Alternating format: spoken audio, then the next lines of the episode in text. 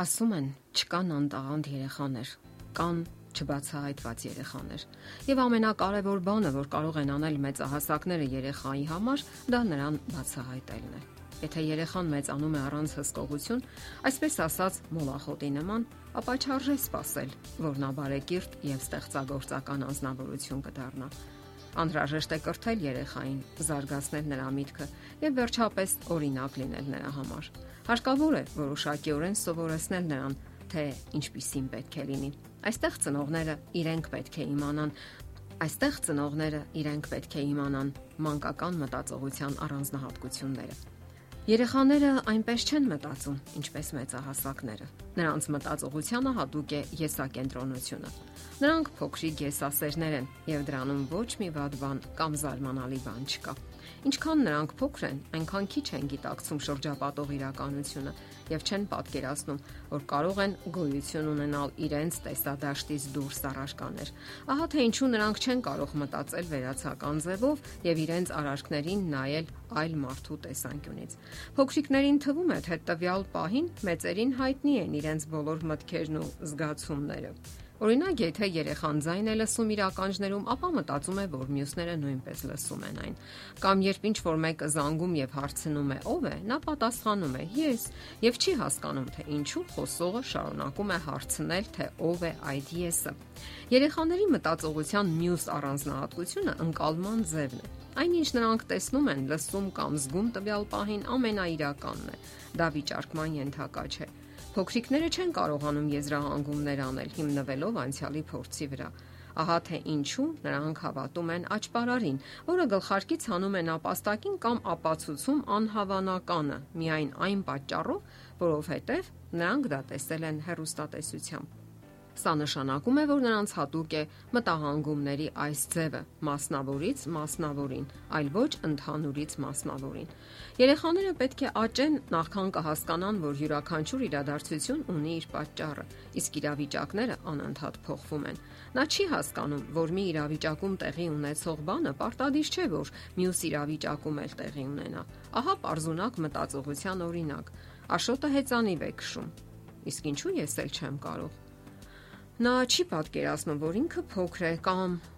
իր ծնողները ճունեն անհրաժեշտ գումարը։ Երբ երեխան մեծանում է, սկսում է կենսական փորձառություն ձեռք բերել եւ հասկանալ, որ իր վարքագիծը շատ բանով կախված է մարդկային վերաբերմունքից։ Նրանք ուշադրություն են դարձնում այն փաստին, որ իրենք ապրում են այլ մարդկանց մեջ, սակայն դեռևս պատրաստ չեն արդարացնելու իրենց որոշումները։ Իրականում նրանք չեն էլ կարող վերականգնել իրենց մտքերի ընթացքը թե ինչպես են հանգել այս կամ այն որոշմանը։ Ահա թե ինչու են փակ ուղու առաջ կանգնում, երբ հարցնում ես, թե ինչու է սարել կոնկրետ արարքը։ Հաճախ պատասխանում են. «Չգիտեմ»։ Եվ դա ազնիվ պատասխան է։ Ժամանակ է պահանջվում, որ երեխայի մոտ զարգանա ու ձևավորվի մտածողության մեխանիզմը, վերլուծողական ունակությունը։ Միայն այս դեպքում կարող է նա անցալել իրավիճակի մի քանի տարբեր տեսանկյունները միաժամանակ։ Եվ այսպես, ինչ է պահանջվում արդյունավետ ուսումնառության համար։ Ամենից առաջ ծնողները պետք է երկարաժամկետ նպատակներ դնեն իրենց առաջ։ Դրանից հետո տալիս են կոնկրետ առաջադրանքներ։ Բոլոր առաջադրանքները պետք է կազմվեն հաշվի առնելով երեխայի ֆիզիկական, մտավոր եւ հոգեվոր զարգացումը։ Ֆիզիկական զարգացումը իր մեջ ներառում է շարժողական ապարատի ներդաշնակ զարգացումը։ Նախադպրոցական երեխան պետք է կարողանա քայլել, վազել, թռչել, արգելքներ հաղթահարել, սահել անվաճ մուշկներով, գրել իր անունը։ Իսկ մտավոր զարգացումը կամ ճանաչողական գործունեությունը ենթադրում է հետևյալը հասկանալ բնության երևույթները եւ գիտական հայտնագործությունները ընդհանուր պատկերացման ձևով։ Երեխան պետք է իմանա առարկաների անունները, լուծի մաթեմատիկական པարս խնդիրներ։ Այս բոլորը կօգնի, որ երեխան պատրաստվի դպրոցական ուսումնառությանը, ընթերցանություն, բնական գիտություններ, մաթեմատիկա եւ այլն։ Երեխայի մտավոր զարգացմանը նպաստող ամենակարևոր գործոններից մեկը ընկալման սրությունն է։ Դրան կարելի է հասնել հետևյալ ձևով Հնարավորություն տվեք երեխային, որ փորձարկումներ անի նյութերի եւ առարկաների հետ, ուսումնասիրի դրանց հատկությունները, որոնի տարբերությունները այլ նյութերի եւ իրերի համեմատ։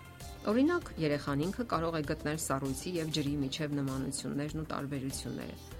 Սովորեցրեք երեխային օգտագործելու իր բոլոր զգայարանները, որտիսի առավելագույն ծավալի տեղեկատվություն ստանա նյութերի եւ առարկաների մասին։ Օրինակ, Զգացողությունը զարգացնելու համար կարելի է վերցնել տարբեր նյութերի կամ գործվածքների կտորներ եւ փոքրիկը կապված աչքերով պետք է որոշի տեսակները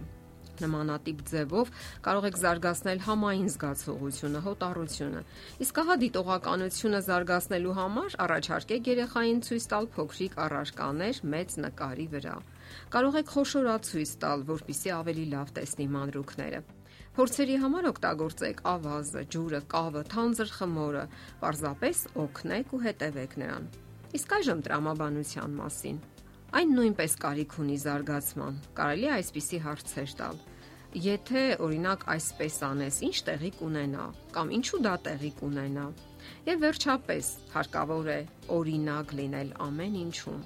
Ուր էլ գնաք նրա հետ, եղեք ուրախadir, դիտող, ուսումնասիրեք շրջապատող աշխարհը, ուշադրություն դարձրեք մանրուքներին։ Դրանց վրա հravirեք նաև երեխայի ուշադրությունը։ Հաճախակի եղեք բնության գրկում, միասին ուսումնասիրեք, թե ինչպես են մեկ գծով շարժվում մրջյունները, հոտոտեք ծաղիկները, լսեք թռչունների երգը։ Խաղաղ երեկոներին միասին դիտեք երկինքը, պատմեք աստղերի արարման, նրանց շարժման մասին Եվ այսպես, եղեք ստեղծագործական ծնող։ Սովորեք դասերակցության գաղտնիքները եւ երեխայի վրա ծախսած ժամանակը հարյուրապատիկ կվերադառնա ձեզ։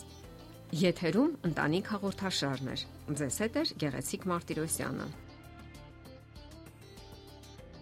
Հարցերի եւ առաջարկությունների դեպքում զանգահարեք 099 08 20 93 հեռախոսահամարով։ Հետևեք մեզ hopmedia.am հասցեով։